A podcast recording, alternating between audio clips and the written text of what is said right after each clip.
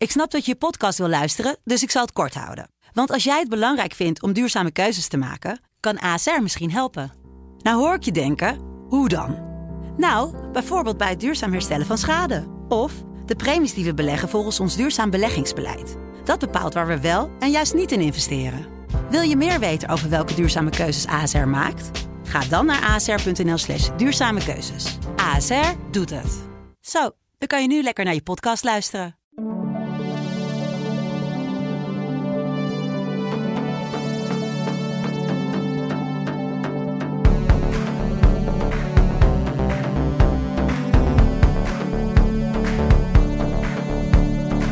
Welkom bij Songfestival Koorts. Ik zit op de Basisweg in Amsterdam en in een hotelkamer in Turijn zit Richard van der Krommert. Hele goede dag vanuit een zonnig Turijn. Ja, is mooi weer? Het is prachtig weer. Ik heb vannacht zelfs met uh, open ramen geslapen in mijn hotelkamer. Oh, wat heerlijk, Richard. Heerlijk. Ja. Mijn naam is Katja Zwart, dat is misschien ook even goed om te vermelden. We hebben een gast in de studio, Ewart Koning, welkom.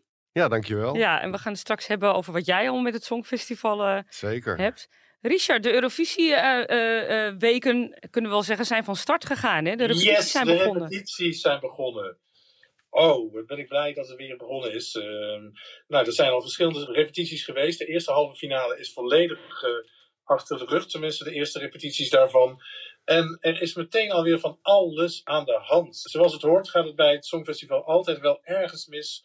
Of worden er uh, wat maatregelen genomen. En dat is nu ook het geval. er zijn veel klachten over dat het podium nog niet picobello functioneert. En dan hebben we ook nog de stoeipoes uit Albanië, Ronela, waarvan een foto is gecensureerd. Ja, daar gaan we het uitgebreid over hebben straks. Heerlijk. Zeg, het is een beetje anders dit jaar, want in tegenstelling tot andere jaren zijn de eerste ronde repetities afgesloten nu hè, voor de pers. Ja, dus wij moeten alles gaan volgen. We kunnen nog niet het perscentrum in. Dat is vanaf woensdag 4 mei open. Dan zal ik uh, alle collega's, uh, journalisten die er ook zijn, ook pas ontmoeten, denk ik. En we moeten het doen met alles wat de organisatie en ook de artiesten zelf delen op sociale media. TikTok is ingezet door de organisatie. En ook op Instagram worden nog veel filmpjes gedeeld. Op YouTube een stuk minder ineens. Dat heeft ongetwijfeld te maken met die deal die met TikTok is gesloten. Ja, de EBU heeft een deal gemaakt. Hè. TikTok mag de exclusieve content, zoals ze dat dan noemen, met een mooi woord, publiceren. Dus daar alleen zien we filmpjes van de repetities. Voor zover dat een naam mag hebben. Nou ja, dat is, dat, dat is op zich niet veranderd ten opzichte van vorig jaar. Die filmpjes van de eerste, eerste repetitie. Dat zijn filmpjes die niet langer duren dan 30 seconden hooguit. Je ziet wat, wat, van wat er op het podium gebeurt. Je ziet vaak nog wat beelden van uh, achter de schermen. Daar moet je het mee doen. Ja, maar vorig jaar waren de eerste ronde repetities niet afgesloten voor de pers, toch? Nee, toen mochten we wel meekijken. Toen konden we de volle drie minuten steeds zien vanuit het perscentrum. Hoe is dat nu? Want het perscentrum is nu gewoon letterlijk nog niet open. Die gaat woensdag pas open. Hoe is dat nou? Want dat is heel anders dan vorige jaren. Vorige jaren zat je daar helemaal in. Dat kun je wel zeggen, want het, is, uh, het perscentrum is alleen open. Hè, het is een online perscentrum. Je hebt een online perscentrum en een perscentrum in Turijn. Nou, het perscentrum in Turijn gaat woensdag 4 mei pas open. Maar het online perscentrum, daar worden al uh, interviewtjes ingehouden. Zoals altijd na de repetitie worden interviews gehouden door de organisatie met de deelnemende artiesten. Die zitten nu in, een, in, in de persconferentiezaal, dat zie je ook dat ze daar zitten. Uh, die persconferentiezaal is leeg, op uitzondering van de presentatrice en de artiesten dus. Ja, dat geeft een beetje kunstmatige indruk, uh, kan ik wel zeggen. Ze hadden net zo goed ergens anders kunnen gaan zitten. Want bij zo'n grote perszaal verwacht je eigenlijk ook dat daar pers is. Dat die een hand op kunnen steken, dat die deel kunnen nemen aan het hele gesprek. Nou, dat gebeurt niet. Uh... Ik vond het heel koud en afstandelijk voelen. Ik, ik, je kan op de website van de RAI, kan je die persconferentie gewoon terugzien. Ja. En het heet ook, het heet letterlijk Press Meet and Greet, maar er zit geen pers. Die mogen online hun vragen stellen en dat, wordt op een blaadje allemaal uh, uh, voorbereid natuurlijk. En de presentator mag die dan afvuren. Ik vind dat lastig, want het is toch ook leuk voor de artiest als die interactie heeft met de media. Aan de andere kant, laten we heel eerlijk zijn, die persconferenties zijn best wel saai. En jij loopt ook al een tijdje rond in Eurovisieland. Je hebt een eerste ronde persconferentie en een tweede ronde persconferentie. En wat wordt daar nou helemaal, wat worden nou voor vragen gesteld? Oppervlakkige praatjes zijn het. Hoe was je repetitie? Hoe voelt het podium? Kan je een stukje van je liedje zingen? Nou, dan heb ik eigenlijk de hele persconferentie samengevat. Ja, zo is het. Ik denk ook dat de sfeer tijdens de persconferentie nodigt ook niet uit, moet ik toch ook zeggen hoor, om uh, wat diepgravender uh, vragen te stellen. Want het is, het is altijd een soort rush. Je moet snel, snel, snel. Eerst wil de organisatie zelf wat vragen stellen. Uh, die zijn voorbereid. En dan krijgt de pers inderdaad nog wat anders. Maar je kunt geen gesprek voeren. Het is echt even een korte vraag. En dan is meteen weer een ander aan de beurt. En dat snap ik wel ook dat het zo werkt. Maar dat zorgt er mede voor, denk ik, dat er nooit diepgravende vragen door de pers worden gesteld op zo'n moment. Je moet echt uh, op zijn minst iets van vijf minuten met een artiest hebben. Wil je een, als journalist een leuk gesprek met iemand kunnen voeren? Nou ja, en diepgravend, dat snap ik wel. Maar er is ook meestal geen plek voor kritische vragen. Die worden meestal heel netjes afgewimpeld. Ja, en dat kan nu helemaal natuurlijk. Want ze zien die vragen binnenkomen als organisatie. En de organisatie pikt dan de vragen eruit die ze opnieuw gaan stellen aan de artiest zelf. Ja, en aan de andere kant inderdaad, je hebt twee persconferentierondes, normaal gesproken, hè, voorheen. Als je dan een artiest hebt die helemaal niet zo populair is, hè, je, je kent bijvoorbeeld gedoodverfde winnaars, dus is het volle bak. En als iemand niet zo populair is, dan zitten er gewoon letterlijk maar een paar mensen. En nu je het terugbrengt tot één, ja, dan spaar je die zeg maar op, weet je wel. En heb je straks wel een iets vollere bak. Dus ergens snap ik de keuze wel, maar het voelt heel vreemd. En ik vind het voor de artiesten ook een beetje triest eigenlijk. Nee, kijk, het, het is natuurlijk gedaan, dat begrijp ik, op, op verzoek van verschillende delegaties, die nog van alles wilden bijschaven aan hun optreden. En als ja. een eerste repetitie al openbaar is, dan krijg je meteen al een rumoer en bus eromheen. En dat is niet altijd welkom. Nee, dat... Aan de ene kant denk ik dat die rumoer en bus eromheen er ook voor zorgt dat je echt alert en scherp bent want er is nu ook wel enigszins bus en rumoer om wat repetities, maar is veel ingetogener dan, uh, dan voorgaande jaren. En die bus zal pas echt losbarsten vanaf de tweede repetities, die vanaf woensdag 4 mei wel volledig te zien zijn voor de pers. En ik denk dan ook, van, misschien is het dan wel te laat om dingen aan te passen als er dingen echt verkeerd vallen. Ja, precies wat je zegt. Ja, we hebben een tijdje terug Tigo Boeker gehad. Dan heb je het treintje effect hè, als je een jurk uh, uitprobeert. Ja. En dan krijg je de hele Eurovisie gemeente over je heen. Dat is verschrikkelijk voor een artiest. Dat kan ik me heel goed voorstellen. Aan de andere kant, hoe kan je iets veranderen als je helemaal geen kritiek krijgt? Ja, dat is weg, die kritiek op dit moment. Ja, ik, ik weet niet of ik dat een goede ontwikkeling vind. Ik snap het, maar ik vind het, uh, ik vind het heel lastig. Ja, en dan toch Albanië even bespreken. Hè? die... Oh, dan gaan we meteen, we gaan meteen los op Albanië, ja? Als er dan enigszins rumoer is geweest, dan zit dat bij Albanië. Niet vanuit de pers, maar vanuit de organisatie. Wat er gebeurt is, is dat er allerlei foto's op sociale media worden gezet.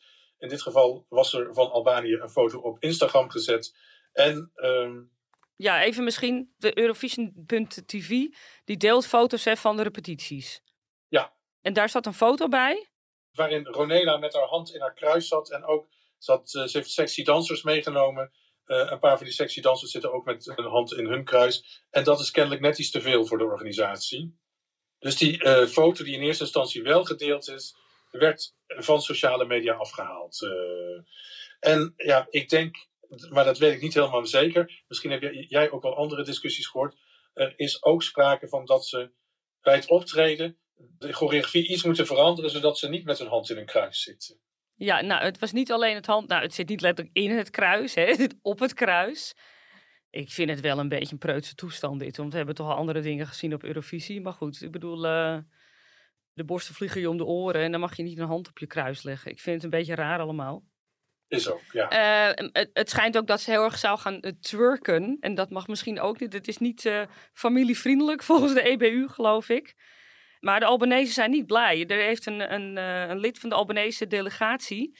die heeft op Instagram een post gezet van... wat is dit? Want ze danst ook met een vrouw.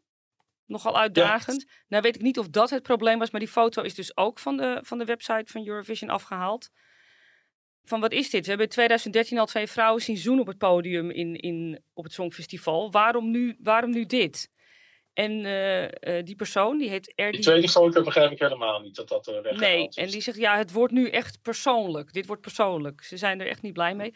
Op Twitter of op Instagram heeft Ronella Hadjati heeft, een, heeft van die emoties geplaatst met huilende gezichtjes, zeg maar. En dat is ook weer verwijderd, want dat mocht blijkbaar nee, niet. Nee, dat, dat stond er maandagochtend nog wel. Ja, dus die is heel erg teleurgesteld. Wat ik niet begrijp, je hebt toch eerst een stand-in rehearsal. Dan hebben ze toch gezien wat daar speelt. Maar of, of alle landen moeten precies aangeven, al, al weken van tevoren, wat ze precies op het podium willen doen en wat voor bewegingen daarbij horen. En dat wordt ook gerepeteerd, al door stand-ins, dat is allemaal al gebeurd. Dus de organisatie weet wat voor choreografie Albanië gaat uitvoeren. Ja, en wat is er dan gebeurd, vraag ik me af, tussen die stand-in rehearsal en deze rehearsal? Dat het ineens heel chockerend bleek te zijn. Nou ja, kennelijk is er intern iets gezegd over, die foto, denk ik. Ik denk dat het echt de foto is die voor ophef heeft gezorgd. Nou, nou, nou, nou. Over ophef gesproken, maar dat, gaan we straks, want ik wil eerst even naar onze gast toe. Er is ook een beetje ophef over S10 en de buik. Bloot, de blote buik. Ja, ja maar zullen, We, zullen, we, dat voor straks bewaren, Richard? Ja, we, we, we waren Nederland tot zo. Ja. Eerst even een gesprekje met Ewart. Hoi. Hey, hoi. Ewart Koning, ondernemer op de Regulies Dwarsstraat. Yes. Welkom nogmaals. Dankjewel. Jij hebt een horecagelegenheid op de Reguliers Dwars? Nee, ik heb een kapperszaak op de Reguliers Dwars. En ik ben zelf geen kapper. En dat betekent dat ik dus ja, tijd over heb om andere dingen te doen. Ja. Ik ben sinds 2012 ben ik de voorzitter van de ondernemersvereniging in de reguliers. En eigenlijk als een soort uh, ja, hobby is dat begonnen een paar uur per week. Ja, en met alle grote dingen die we nu doen, is het een, uh, bijna een fulltime eh, job uh, geworden. Ja, dat geloof ik. Ja. Jullie zouden in 2020 een enorm feest gaan organiseren. Ja. Vertel. Nou, we waren eigenlijk van plan om ja, zeg maar de grootste public viewing van Amsterdam en misschien wel van Nederland te organiseren. Nou, zoals je weet kwam uh, COVID er toen uh, tussendoor. Want jullie zouden het, het Songfestival op ja, zeker, ja, zeker. Ja, om dat nog even duidelijk te maken. Ja. Nou, dat, dat ging in 2020 ging dat niet door. In 2021 was dat problematisch. En uiteindelijk gaat het er nu echt, echt van komen. En daar ga ik zo hopelijk wat meer over vertellen inderdaad, het, Songfestival op groot scherm. Eén groot scherm of meerdere grote nee, Nee, meerdere. We hebben er nu vijf, verdeeld over de hele straat. Ja. Het is misschien goed om te vertellen van, uh, want we pakken echt heel groot uit. In 2000 was er een uh, zogenaamd brugpodium gebouwd in de reguliers, waar Kylie Minogue toen een, uh, een verrassingsoptreden op gaf. Dat podium is nooit meer terug geweest in al die 20 jaar. En we brengen dat nu weer terug. En we, oh, gaan, we gaan nog een stap verder. Ja. Want we bouwen aan dat podium ook nog een catwalk van bijna 40 uh, meter lang en anderhalve meter hoog. Ja. Dus uh, ja, uh, alles wordt eigenlijk uit de kast getrokken om, ja, om van dit evenement een, een daverend succes te maken. Wat heb jij zelf met het Songfestival? Nou, om te beginnen denk ik dat het Songfestival is, is voor mij persoonlijk, ik noem het altijd verbindende fun. Mm -hmm. Het is leuk om naar te kijken, maar het verbindt ook heel erg. En wat het voor mij extra bijzonder maakt, is dat in 2014 wij bij ons thuis een feestje hadden. Ik was inmiddels, en ik ben nog steeds uh, gelukkig getrouwd met, uh, met Jean-Paul. Ja. Nou, er was een jongen en dat klikte heel leuk met ons tweeën. En uh, inmiddels woont hij al, uh, al acht jaar bij ons. We hebben de, dus een relatie met z'n drieën. Ja. En dat is ontstaan in het Songfestival, of, of tijdens het Songfestival in 2014. Toen Conchita Wurst uh, uiteindelijk het Songfestival won. Dus dat en, maakt het voor mij heel ja, tastbaar, persoonlijk en heel bijzonder. Was je in Kopenhagen of was je hier? Nee, gewoon thuis. Je was gewoon thuis? Nee, gewoon thuis. En jullie hielden een, een viewing party, zoals we dat tegenwoordig noemen. Ja. Doe je dat ieder jaar? Nee, daarna hebben we het eigenlijk niet meer gedaan. Oh, ja. Eh, nee, ik, wa- eh, het jaar daarna waren we volgens mij op reis. En eh, ja, ons leven is inmiddels ook een beetje veranderd. Want we woonden in de stad. We wonen nu op platteland met een aantal dieren en eh, gedoe. ja. Dus nou ja, dat, dat eigenlijk. Ja, en het Songfestival, als ik het niet op mezelf betrek, maar ook kijk naar, naar wat anderen ervan vinden. En dat is dan het, het bruggetje ook naar de reguliere dwarsstraat. Het is gewoon altijd feest. En het is altijd leuk om te kijken. En vooral met vrienden onder elkaar, ja, is het altijd toch elk jaar weer een, eh, een bijzonder moment. En, en, eh, Als ik even een vraag mag stellen, Natuurlijk. hoe gaat de reguliere Dwarsstraat eruit zien eh, die avonden? Om te beginnen hebben we natuurlijk eh, ja, een aantal dingen die moeten en die ook een beetje vervelend zijn. Ik weet niet of je Richard, eh, ik weet het eigenlijk wel zeker, tijdens de Pride reguliers kent. Hè? Dan zijn we afgehackt, dan zitten we rondom in de hekken en dat moet ook nu weer gaan gebeuren. De politie en crowdmanagement stelden mij eh, de vraag van, ja Ewart, hartstikke leuk, maar hoe ga je voorkomen dat dat er in plaats van de 4000 mensen waarvoor ruimte is, er geen 6 of 8000 mensen naar die straat komen. Het is een populaire plek. Het is net na corona. En op die vraag had ik eigenlijk geen goed antwoord.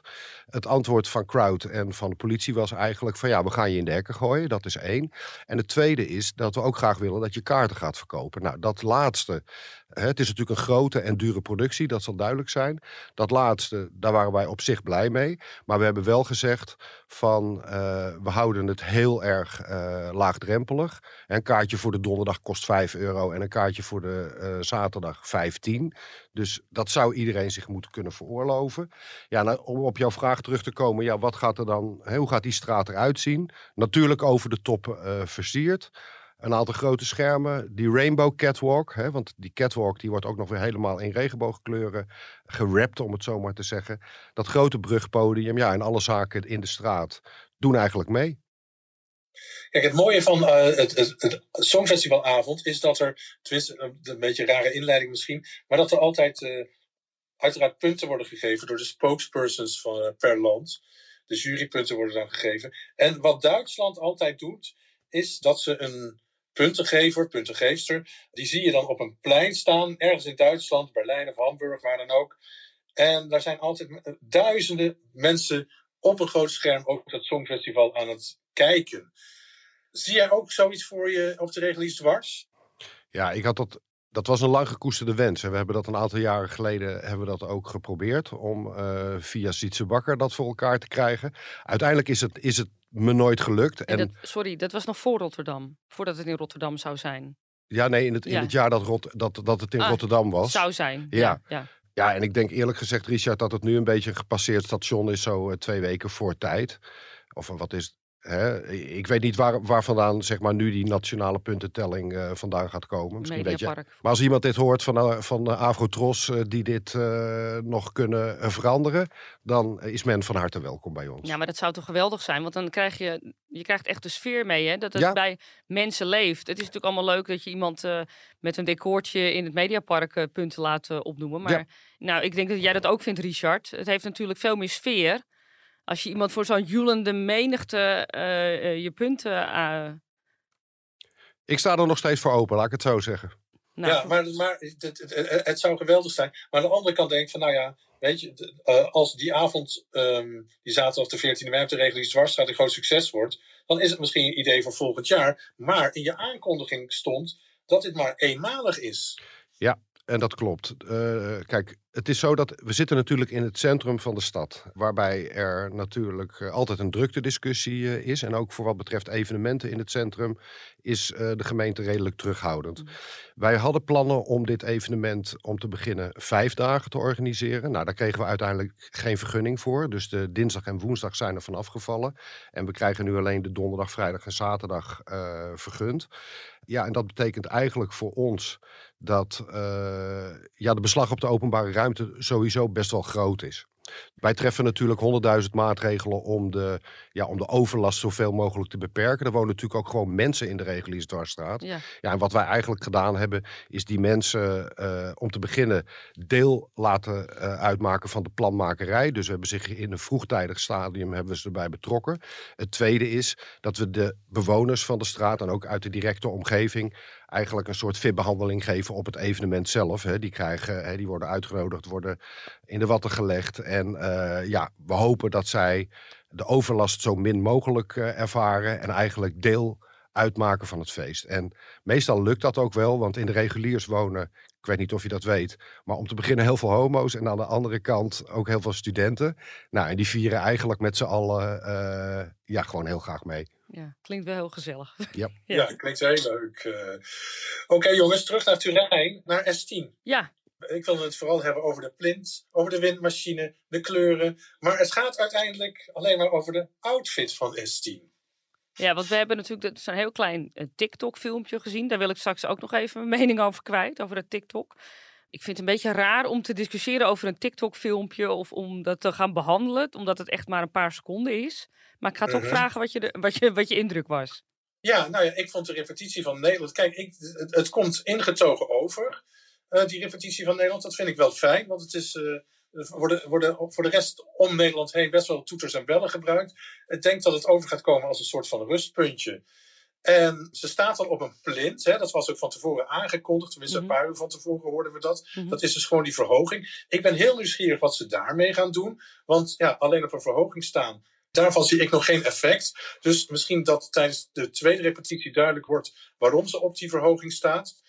Die windmachine die wordt ingezet, dat vind ik eigenlijk prachtig. Vind ik schitterend van Nederland. De kleuren die gebruikt worden, een beetje oranje-roodachtig, vind ik ook heel mooi. En die outfit van S10 vind ik alsof ze die al jaren draagt. Dat past gewoon bij haar. Dat daar nou zoveel discussie over eh, Nou ja. komt. Ik, ik, ik heb begrepen dat in RTL Boulevard is gezegd dat er zorgen zijn over die veel te blote buik. Nou, ik vind dat echt ongelooflijk gelul. En nergens Ja. op slaan. Nou ja, onze Aran mag ik ook wel zeggen, want die zit in ons panel natuurlijk ook. Dus eh, niet alleen van Boulevard. Die was bang dat het af zou leiden. Nou, dat ben ik niet met hem eens. Vervolgens, eh, eh, na die eerste repetitiebeelden, kopt het AD. Helemaal zwart en niks onder haar jasje. Vervolgens televisier, zorgen om blote buik. Nou, Twitter ging los werkelijk. wat was het, zaterdag? En dan denk ik, kom op, een buik. Een buik. Ze ziet er hartstikke mooi en stijlvol uit. Fantastische buik, ja. Het is ook geen rare buik of zo inderdaad. Dat ik, ik zie iets afwijkends aan die buik. En dan nog, wat dan nog? Het is een buik, mensen. Hou op. We leven in 2022. Hou op met die preutsheid. Echt. Het is gewoon een beetje bloot en het is eigenlijk gewoon een hele goede aanvulling op die ingetogen staging. Dat weet ik niet, want ik weet niet of ik die staging eh, eh, goed vind. Maar ik vind als mensen vallen over een buik, dan zegt dat meer over die mensen dan over S10. Helemaal met je eens. Ja, echt verschrikkelijk. Dat optreden, voor zover we kunnen zeggen optreden, want we hebben er niks van gezien. Ja, simpel en ingetogen. Ik had zelf iets meer gehoopt op iets zoals we bij Matthijs hadden gezien. Ja, die, met die lichtbundels. eh, dat was fantastisch. eh, Dat was echt heel indrukwekkend. En ehm, het deed ook niet af aan S10, vond ik. Want daar ben je ook wel eens bang voor, hè, dat je te veel uitpakt. Nou hoef je daar voor Nederland meestal niet zo bang voor te zijn. Want dat zit niet in de natuur natuurlijk van de Nederlander. Maar laten we niet vergeten dat haar, haar Nederland, die steeg bij de boekmakers na dat optreden. Na het optreden bij Matthijs, Ja, hè, dat bedoel je? ja. ja. En ik heb vertrouwen in dit creatieve team hoor. En, en S10 moet vooral zichzelf kunnen zijn tijdens dit optreden. Ja, ik kijk natuurlijk ook misschien met een ander oog. Hè. Ik, ik, ik hou ook heel erg nou de Griekse websites bij en, en andere sociale media. En ik zie dat dat ingetogen en dat simpele, dat wordt in andere landen een beetje als saai gezien. Mhm. Ehm, Nou, dan is een buik toch heel welkom. nou, houd toch op, zeg. maar goed, ik, ja, Nederland moet niet vergeten dat de punten uit het buitenland komen. Aan de andere kant, ik heb nog niks gezien eigenlijk. Dus gebaseerd op twee seconden slaat dit misschien helemaal nergens op. Had jij verder nog eh, dingen over S10? Over S10 eh, niet, andere landen misschien. Griekenland uiteraard, moeten we even bespreken. Ja, Schitterende, prachtige jurk. ja. Wat gaan ze daarmee doen? Weinig? Ik zag dat ze, tenminste, dat weet ik niet. Ik, ik zie er zitten en eh, ik was weer wederom enthousiast over de staging.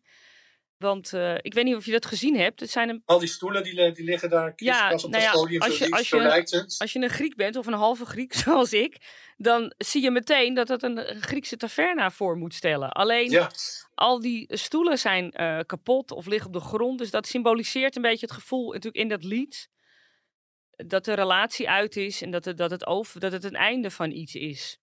Dus een subtiele eh, Griekse sfeer, maar niet te. Ja, het, het ziet er mooi uit en haar stem is echt fantastisch. ja, en haar jurk is, ik vind haar jurk prachtig, echt waar. Ja, ik ook. Schitterende jurk, Ja. ja. Nog andere Beetje dingen die door- wa- waren opgevallen tijdens de repetities? eh, Nou, ik moet eigenlijk, zeggen, datgene wat vrij is gegeven van al die repetities, dan zie je eigenlijk dat niemand echt steken laat vallen. Dat het er allemaal wel oké uitziet. eh. Maar dat kan je toch Eh, nog niet zeggen dat iemand steken laat vallen, want het, Nee, dat hebben we niet gezien. exact, nee, dat zeiden we eigenlijk net ook in andere woorden tegen elkaar. Ja. En andere, zijn er andere landen je opgevallen van die TikTok-filmpjes?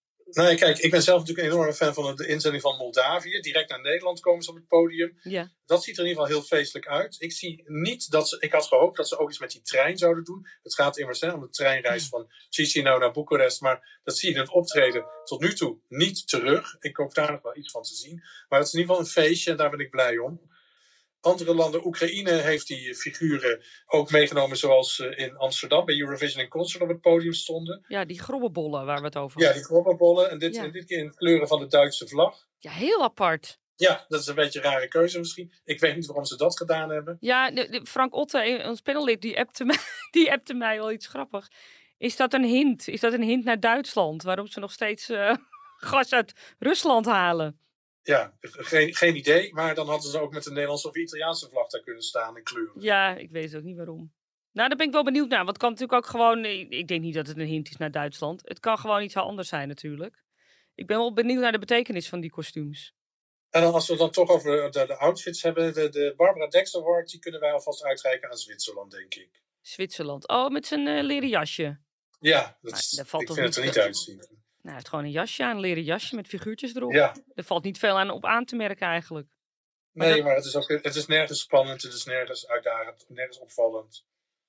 En trouwens, de Barbara Dex Award bestaat niet meer, hè? Je, je weet hoe die nu heet? Er is een nieuwe naam, Eurovision Award of zoiets. Hè? Ja, Eurovision Award. Ja. Om dat alleen maar positief te benadrukken. Een hele grap is er vanaf gehaald. Vind ik persoonlijk heel jammer. De interval acts zijn ook nog aangekondigd. Ja. Diodato wisten we natuurlijk al. Maar Sophie and the Giants gaat ook optreden. En Il Volo, die zeven jaar geleden voor Italië meededen, gaat ook weer optreden. En in de finale? Heb je dat ja, in de finale weet ik niet. Ja, finale gaan Maneskin optreden. En, uh, oh, geweldig. En Giola Cinquetti, die natuurlijk uh, vele jaren terug uh, eerder al voor Italië won. Ja, fantastisch. Nou, daar kijk ik en tweede werd. heel ja. erg naar uit. Je bent niet in de arena geweest, maar we hebben wel foto's gezien. Want ik zie een Toscaanse tuin, zie ik, als ik goed kijk. Ik ga dadelijk ga kijken waar die arena precies is. En de volgende podcast kan ik je er alles over vertellen. Oké, er zijn verschillende foto's op social media, circuleren er. En we zien een beetje tijdens die optredens, er zit een soort waterval hè, van het ene naar het andere plateau op het podium. Ik weet niet of je dat gezien hebt. Ja, dat valt me op. En dat is constante toevoer van water. Het stopt nooit, lijkt het wel. Ja, terwijl Twan van de Nieuwe Huizen tegen ons heeft gezegd... water mag niet. Maar dat is misschien tijdens een optreden. En dit is een ander soort trucje waarschijnlijk... waardoor dat water uh, stroomt. Als je dat ziet in combinatie met de green room... Dat is echt één grote Toscaanse... Dat is een grote tuin geworden. Hè? Ja. ja. dat is echt geweldig. Allemaal struiken, die worden ook letterlijk gesnoeid nog. As we speak. En in combinatie met die zon op het podium moet het natuurlijk één groot Toscaans tafereel worden. Ja, ik hou er heel erg van. Ja, fantastisch. Ik ook. Maar die zon. Die zon die werkt nog niet heel erg naar behoren. Nee. Men heeft in Italië nog een week om dat voor elkaar te boksen. Maar ik, ik hoor heel veel klachten erover. Wat voor klachten hoor jij? Ja, dat het niet uh, beweegt. Die zon zou heel erg moeten bewegen en dat, uh, dat lukt niet. En dat er is gezegd, hè, maar dat zijn de geruchten, dat dat ook niet meer gaat gebeuren. Vrij hilarische reacties uh, zag ik op de social media over mensen die zich aanbieden van... ik ben bouwkundige, ik wil wel even komen helpen en dat ja. soort dingen. Ja, ik denk dat het ook weer part of the deal is. Als het Songfestival in Italië wordt georganiseerd, dan weet je dit soort dingen, hè. Dan gaat niet alles vlekkeloos. Het is geen Rotterdam. Het is geen Düsseldorf. Weet je, ik vind dat helemaal niet zo erg. Nou, dan gaat die zon niet bewegen. Nou in, het komt wel goed verder. Ja, ik hoop dat het uiteindelijk goed gaat komen op die manier zoals we het hebben bedacht. Zullen we even snel naar de boekmakers kijken? Ja. Niet veel veranderd moet ik zeggen. Op één nog steeds Oekraïne, twee Italië, drie Zweden, vier het Verenigd Koninkrijk, vijf Spanje en zes Griekenland. En Nederland staat nog steeds negende op dit moment en België op een zeventiende plek. Die zakt wat weg. Ja, moeten we even kijken naar de TikTok-filmpje wat, uh, wat die gaat doen. Ik wil nog even terug naar Ewart. Ja. Want het is zover natuurlijk volgende week gaat het gebeuren. Donderdag tot en met, uh, tot en met zaterdag. Wordt niet alleen, zoals je zei, het Songfestival uh, op grote schermen weergegeven, maar er gebeurt nog veel meer. Ja, het is misschien leuk om daar toch nog wat meer over te vertellen. Ja, wat, wat we eigenlijk op de twee Songfestivaldagen doen, dus dat is de donderdag en de zaterdag. Dan beginnen we om vier, eigenlijk om vier uur begint de inloop. Hè? Dan hebben we een DJ en dan, hè, dan, dan komt iedereen binnen. Ja. Dat loopt tot zeven uur. Dan gaat om zeven uur gaat Nicky Nicole, nou die heeft geen introductie nodig denk Nee. ik. Samen met Rob Boskamp een Eurovision Singalong verzorgen. Nou dat duurt dan een uurtje denk ik. Daarna hebben we wat artiesten. We hebben Marilene Saropala, we hebben eh, Linda Wagenmakers, we hebben Sharon Doorzon. Dus we hebben ook nog een aantal live artiesten op het podium. Dat is dus de donderdag en de zaterdag. Mhm. En op vrijdag gebeurt er iets heel speciaals. Want dan gaan we zogenaamd eh, de Rainbow Runway Show gaan we doorlopen. En dat betekent dat eh, die Rainbow Runway Show is eigenlijk een talentenshow. Waarbij we eigenlijk alle leden van de queer community hebben opgeroepen om het beste van zichzelf te laten zien. Op die enorme runway van eh, bijna 40 meter. Ja. Daarbij hebben we nu twaalf deelnemers geselecteerd online. Hè. We hebben een filmpje ingestuurd. Nou, die twaalf die gaan eigenlijk strijden om uh, de titel Rain of the Runway. Waarbij je moet denken aan zang, dans, lip sync, acrobatiek, nou, dat soort dingen meer.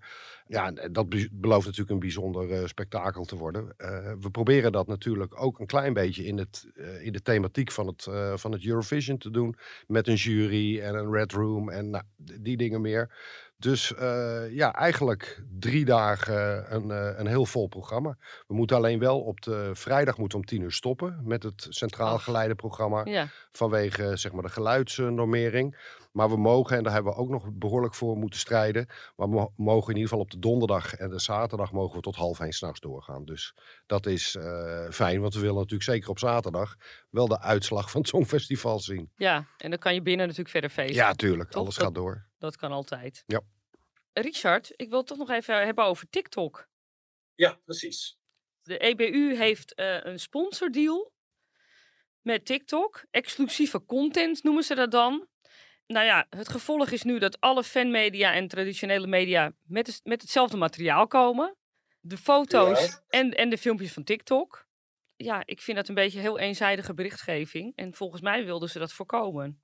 Dat ligt nog niet aan TikTok zelf. Ik denk als je dit ook alleen zou delen op YouTube, waar dus nu dit soort filmpjes niet gedeeld worden, dan zou het nog steeds dezelfde info zijn die de organisatie deelt, of niet? Uh, ja, je kan ook zeggen, op YouTube was het ook niet fijn geweest. Aan de andere kant, TikTok, ik vind dat echt een dingetje. TikTok is van een Chinees bedrijf. Ja. Rusland is nu uitgesloten van het Eurovisie Songfestival. Dat begrijp ik allemaal. Ja. Uh, dat dat gebeurt. En dat heeft Tietje Bakker hier allemaal vorige week uitgelegd waarom. Maar dan zou je op zijn minst uh, China ook moeten boycotten. Want wat daar gebeurt op het gebied van mensenrechten, daar word je helemaal niet blij van. Dat kan het daglicht echt niet verdragen. TikTok heeft, uh, heeft moeten schikken met allemaal privacy-waakhonden, onder andere in Amerika. En voor kinderen is het echt niet zo'n fijne app. Er worden gewoon gegevens verzameld. Die worden iedere 30 minuten bijgehouden. En over de rug van minderjarigen worden echt miljarden verdiend. Dus ik vind het heel moeilijk dat er een sponsordeal is gemaakt door de EBU notabene met TikTok. Ja, nou ja, ik begrijp het aan de ene kant wel. Ik bedoel, kijk, je kunt de, de bedrijven in een land natuurlijk niet zonder meer gelijkstellen aan een regime in een land, eh, vind ik. Ja, maar dan... Dus, dus om nou te zeggen van we gaan, we gaan direct geen handel drijven of uh, afspraken maken met bedrijven uit dat land. Kijk, en China is... Het is natuurlijk de vrije keuze van de EBU om daar een deal mee te maken. Natuurlijk is dat een vrije keuze, maar daar mag je wel je vraagtekens bij zetten natuurlijk. Ja, dat kan. Ja, dat kan. Ja, ik vind dat zelf een beetje ingewikkeld. Aan de andere kant, hè, kijk, we hebben, we hebben een jaar geleden gezien dat Duncan Lawrence een hit kreeg in de Billboard Hot 100. Juist omdat heel veel TikTok-gebruikers het nummer Arcade hebben omarmd en er eigen versies van gedeeld hebben, allemaal steeds op TikTok. Hij heeft gewoon door TikTok ja, natuurlijk. Eurovision er een hit bij. Nee, internationale hits. Ja. Nee, maar dat begrijp ik. Er, worden heel veel nieuwe hits uh, of opnieuw geboren op TikTok. Ja. En het wordt nou eenmaal heel massaal uh, uh, gedeeld en gebruikt. Dus natuurlijk, ik begrijp het wel. Het is een geweldige tool om, om, hè, om je populariteit mee aan te wakkeren. Maar uh, nou ja, ik vind, ik vind het moeilijk om de redenen die ik eerder uh, genoemd heb. Een ander dingetje is dat het echt heel lang duurt voordat die filmpjes online komen. En waar je voorheen achter elkaar een bus had rondom het Songfestival en nieuwtjes binnenstroomden, bij wijze van spreken. Zit je nou gewoon te wachten totdat er een filmpje, totdat er een filmpje van een paar seconden online komt? Ja, het duurt soms wel vier uur, eh, krijg ik de indruk. Ja, dus het vier is... uur nadat de repetitie is geweest, voordat er eindelijk beelden gedeeld worden. Ja, en, en wat ik dan ook wel lastig vind, als media zijnde wil je natuurlijk in de eerste plaats informeren, toch? Je ja. wil mensen informeren. En dat kan nu gewoon niet. Nou ja, kijk, het is, het is, het, ik ben het met je eens. Hè, voor de media, hè, die worden nu enigszins gemelkorfd door, door dit beleid. Ja. En wat ik echt denk, wat ik net ook zei, dit is een wens van de delegaties geweest om het zo, in ieder geval dit jaar, denk ik, uit te proberen. Misschien kunnen dingen nog teruggedraaid worden. En misschien zijn er ook delegaties die, die er niet blij, blij mee zijn zoals het nu gaat. Maar ik snap de wens van de delegaties. Ik snap ook mijn tegengestelde wens als journalist en als vertegenwoordiger van de media. Dat ik meer wil dan nu gedeeld wordt. Dus je zit, je zit in een soort ja, tegengestelde belangen. En daar moeten ze een midden in zien te vinden. En ik weet ook niet wat dat midden precies is. Dus ik vind het begrijpelijk dat men iets geprobeerd dit jaar. Ja, nog één ding. Uh, ik wil nog even, uh, Ewart. Regulier Celebrates heet dit, hè? Het Ja. gebeuren. www.reguliercelebrates.com. Ik zou zeggen, schiet op. De VIP-kaarten zijn uitverkocht. Ja. En eh, de andere dagen gaan ook snel nu. Dankjewel voor je komst. Ja, ik vond het leuk. Richard. Ja, even Dolly Bellefleur. Want eh, van Dolly Bellefleur zijn we de afgelopen zeven jaar gewend dat ze een Nederlandse hertaling, Nederlandstalige hertaling maakt van de Songfestival-inzending van, eh, van ons land. Nou, ze zat een beetje in zak en as, want toen in december bekendgemaakt werd dat Nederland een Nederlandstalig lied zou sturen. Ja, wat dan? Ik bedoel, ga je het dan alsnog hertalen? Kan eigenlijk niet. Nou, dat heeft ze toch gedaan. Wat blijkt, ja, gewoon ne- net als, net als S10 is, eh, zoals Dolly zelf zegt, ook eh, Dolly, geen vrolijke Frans. Ze heeft toch een eigen tekst gemaakt op eh, de diepte. Dat heet dan Dekbeddagen. Laten we in ieder geval een stukje luisteren van dat liedje. Ik ken het gevoel dat, dat je droom uiteenspat. Voel me soms zo down, dat ik niet op wil staan. Dan heb ik dekbeddagen en ligt mij af te vragen. Hoe lang is dit nog te dragen? Zal het altijd zo gaan? Nou, lieve mensen die hebben geluisterd, dankjewel weer. We zijn er deze week waarschijnlijk nog een keertje extra's, omdat de repetities in volle gang zijn. Wil je reageren op ons? Dat kan natuurlijk met de hashtag Songfestivalkoorts op sociale media. En een mailtje sturen kan ook naar podcast.telegraaf.nl. Dankjewel en tot de volgende keer. Tot de volgende keer.